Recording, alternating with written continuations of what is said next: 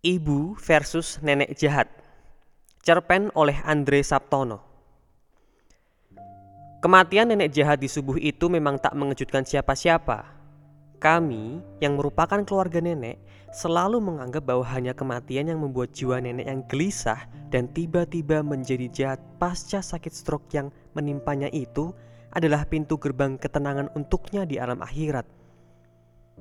Namun ada yang membuat kami heran hampir mendekati sebuah rasa ketertakjubkan sebenarnya saat mendapati nenek memejamkan mata selamanya itu.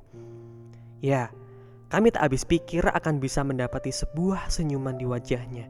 Senyum lebar dan ikhlas, seolah-olah nenek jahat tengah merasa bahagia menyambut dunia yang baru. Hal ini jelas tak sama dengan bayangan kami yang mengira kematian nenek akan menjadi sebuah melodrama yang memilukan – Dipanggang rasa sekarat dan kebencian yang merasuki umur-umur tuanya itu yang membuat ia tersengal-sengal ketika sekaratul maut. Ah, kehidupan nenek selalu menjadi misteri bagi kami. Nenek mempunyai perangai yang sulit kami mengerti dan sulit kami pahami.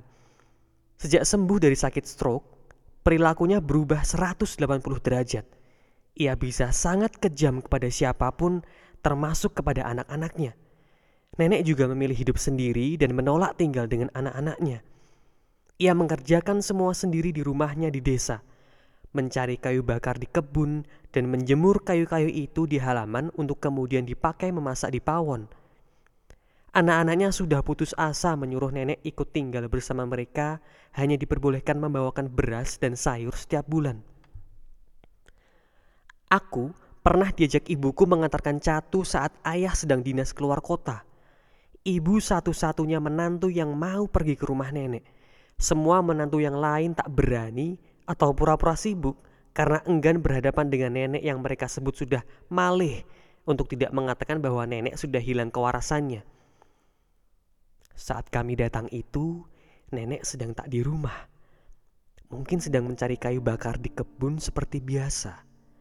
Kami bisa masuk ke dalam rumah karena pintu tak terkunci.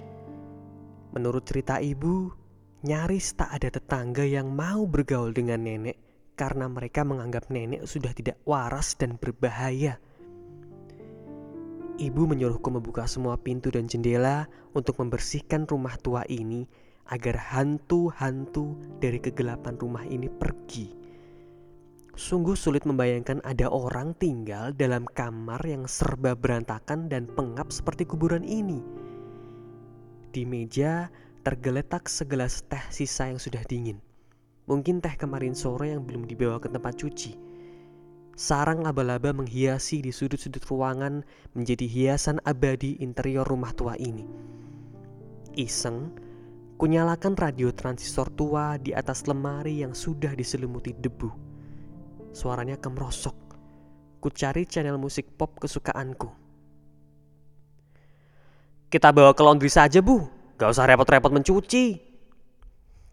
Kataku saat ibu keluar dari kamar sambil membawa kain pesing milik nenek.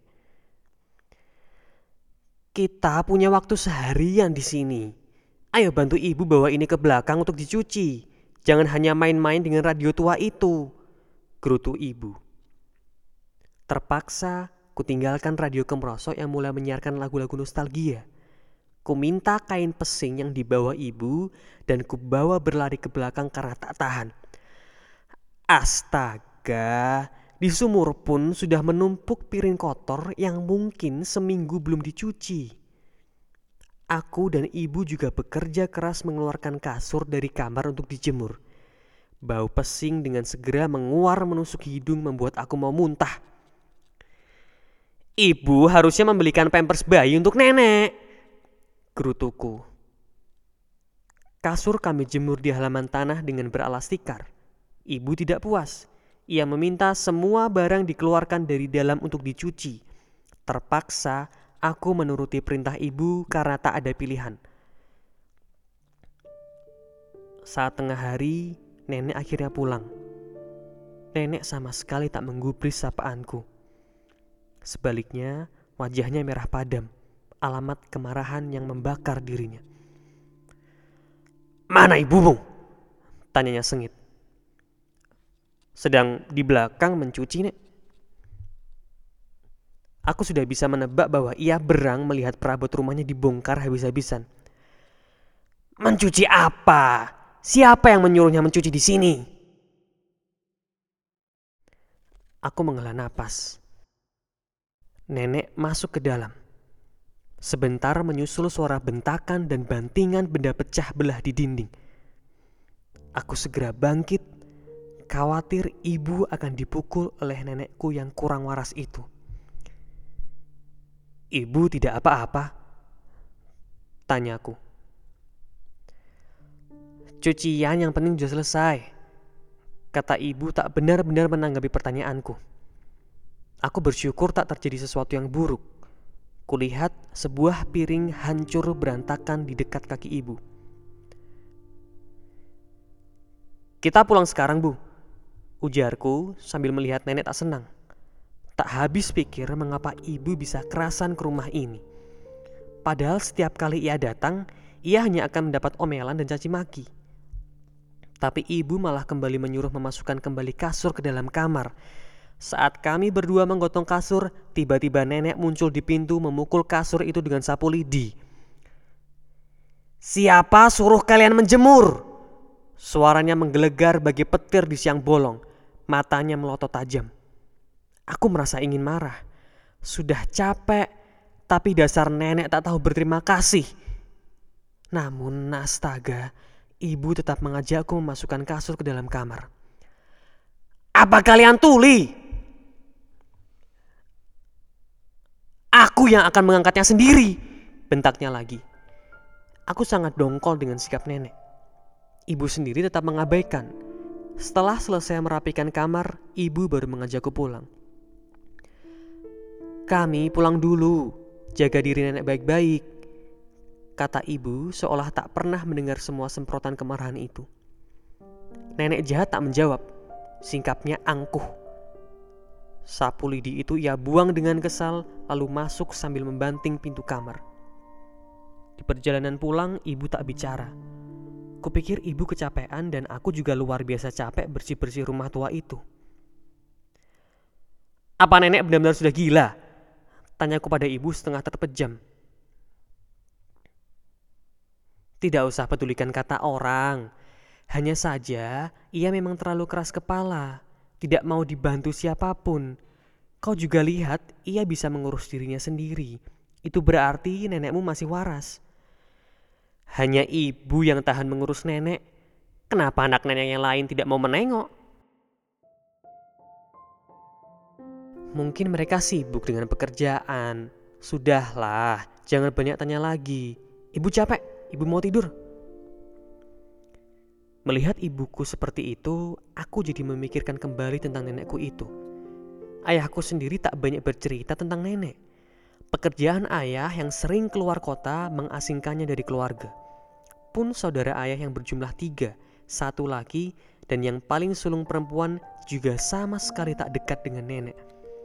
Hanya ibulah yang paling dekat dengan nenek meskipun terus diomeli setiap menengok ke sana. Minggu berganti minggu. Akhir bulan datang di mana kami pergi ke rumah nenek untuk mengantar bahan makanan. Apa kau ada kuliah hari ini?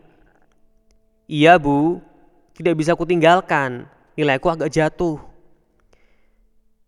Ya sudah, biar ayahmu yang mengambil cuti besok. Kalau terlambat, aku akan makin segan berhadapan dengan nenekmu. Setidaknya dia bertambah alasan untuk mengomeliku. Akhir-akhir ini nenekmu sangat marah kalau ibu terlambat datang. Akhirnya ayah dan ibu yang ke rumah nenek. Aku berangkat ke kampus untuk mengikuti kuliah tambahan yang memang kuperlukan. Namun di kampus pikiranku terbayang tentang nenek jahat. Terbayang perangainya yang aneh serta sikap ibu yang kelewat tabah menghadapi nenek sendirian. Saat pulang kuliah, aku terkejut mendengar kabar nenek mendapat serangan stroke karena jatuh lagi di kamar mandi. Kenapa tidak dibawa sekalian ke sini, Bu? Dia tidak mau. Jawab ayah terdengar putus asa. Ibu terlihat mondar-mandir. Aku jadi kepikiran kalau sakit nenek kali ini memang sangat keras karena melihat semua tegang.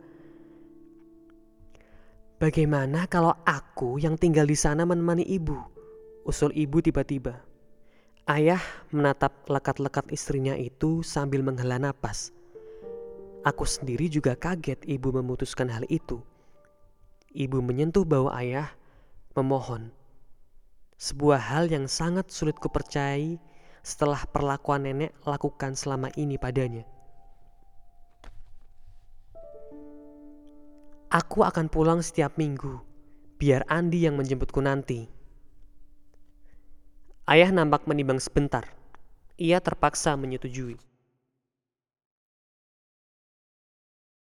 Sore itu, saudara-saudara ayah dan istri mereka berkumpul di rumah, membicarakan bagaimana cara merawat nenek yang makin kritis, termasuk membahas kemungkinan ibu yang harus di sana untuk waktu lama.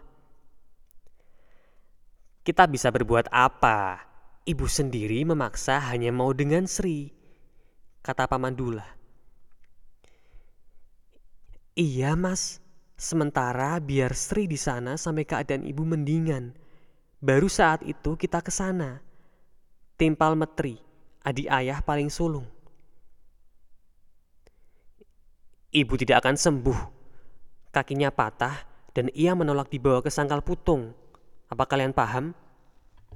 Tukas ayah terlihat kesal saudaranya seperti cuci tangan. Bagaimana kalau aku ikut menemani ibu di sana? Usulku membuat semua menatap heran. Aku sudah sering ke sana dengan ibu dan sering ketemu dengan nenek. Ayah memandangku. Sekali lagi ia hanya bisa menghela napas karena aku bersikeras. Baiklah, kalau kau ke sana, jangan malah merepotkan ibumu, pesannya. Akhirnya aku berangkat untuk menemani ibu. Kubawa pakaian sekedarnya, tak lupa laptop dan semua peralatan kuliah. Ibu senang aku datang menemani. Keadaan rumah nenek jauh lebih bersih daripada dahulu. Sering kulihat ibu berbicara dengan tetangga sebelah yang berbatas pagar bambu. Mereka adalah orang-orang desa yang ramah, namun malam itu nenek mengigau dan demamnya tinggi sekali. Nenek terus meracau. Aku disuruh ibu memasak air panas untuk mengompres. Kadang dalam igauannya, nenek meminta maaf kepada ibu atas perlakuannya yang keras selama ini. Hal itu membuat ibu tak kuat membendung air matanya. Akhirnya, setelah kerja keras kami yang semalaman tak tidur, Kira-kira jam setengah lima, keadaan demam nenek sudah mulai turun. Tinggal kami berdua yang sebentar-bentar menguap karena belum tidur sama sekali. Kami berdua keluar ke halaman untuk menghirup udara subuh yang segar, penat semalaman berjaga. Udaranya segar, kata ibu tersenyum. Nyaris tak terlihat raut kelelahan pada wajah ibu membuat aku bertambah kagum. Dulu, ibu biasa bangun pada pagi seperti ini di tempat ini sambil menunggu matahari dari balik gunung. Sangat indah sekali. Apa ibu dulu tinggal di desa ini juga? Ibu tersenyum. Sebenarnya, aku adalah anak angkat nenekmu. Sebelum nenek mendapat kecelakaan itu, nenekmu dikenal sebagai sosok yang ramah dan baik hati. Ia juga dermawan Anak-anak suka ramai main ke rumah ini agar mendapat jatah buah pisang darinya. Namun setelah sakit, perangai nenek berubah. Orang-orang menjauhi karena nenek suka curiga dan memusuhi mereka, termasuk anaknya sendiri. Hanya aku yang berani mendekati nenekmu walaupun dia tak henti-hentinya bicara kasar. Kulihat sudut mata ibu tergenang air mata. Baru aku mengerti alasan ketabahan ibu merawat nenek selama ini. Begitupun aku kagum dengan pengorbanan ibu yang benar-benar tulus daripada sekedar berdalih nenek sudah tidak waras kemudian menjauhi seperti yang dilakukan saudara-saudara ayah lainnya. Ya, kita memang tak bisa meminta takdir yang kita hendaki. orang yang kita cintai terkadang membenci kita. Sebaliknya, orang yang kita benci ternyata mempunyai cinta yang lebih tulus dari siapa pun di dunia. Namun, takdir Allah juga yang berkuasa atas kami. Menjelang matahari terbit, nenek meninggalkan kami selamanya. Aku sempat mengira ia hanya tidur lelap. Tapi bibir yang ajek mengelupas senyum itu membuatku curiga dan bergegas kupanggil ibu. Nenek jahat ternyata telah meninggalkan kami dengan diam-diam. Dan kepadanya, satu hal yang selalu kukenang untuk seseorang yang di akhir hidupnya berperangai jahat pada anak-anaknya, senyum nenek ketika meninggal itu sungguh kemurahan Tuhan yang maha pengasih yang hendak disampaikan kepada kami, terutama kepada ibu yang selama ini setia merawat nenek. Inilah yang membuat kami mempercayai nenek jahat meninggalkan kami di akhir hidupnya dengan tenang dan damai menuju alam akhirat.